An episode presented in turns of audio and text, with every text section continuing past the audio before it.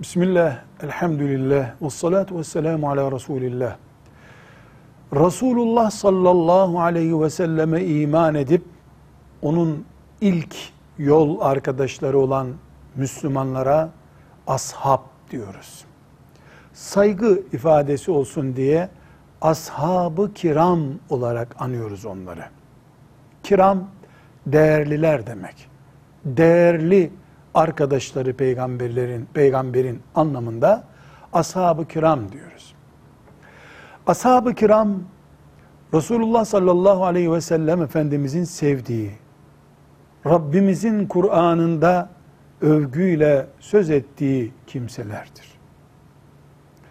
Eğer Müslüman bir insan ashabı topluca horlarsa, yani Peygamber aleyhisselamın ashabını topluca sevmediğini, nefret ettiğini, kötü kimseler olduğunu söylerse, Kur'an'da çok açık bir şekilde ashab-ı kiramı öven ayetlerle karşı karşıya kalacağı için kafir olur.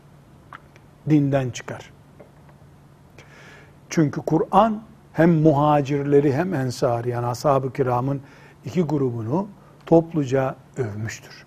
Kur'an'ın övdüğünü yermek, Kur'an dışı kalmak demektir. Bir başka durum, ashab-ı kiramın tamamına horlayıcı bir ifade kullanmayıp, belli bir bölümünü sevmemek.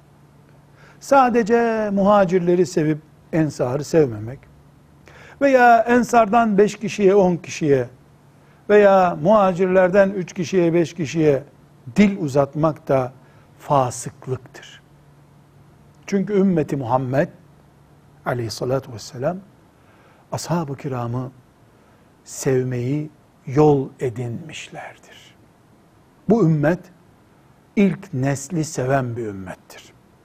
Bu ümmetin çizgisinin dışına çıkmak hiç değilse fasıklıktır.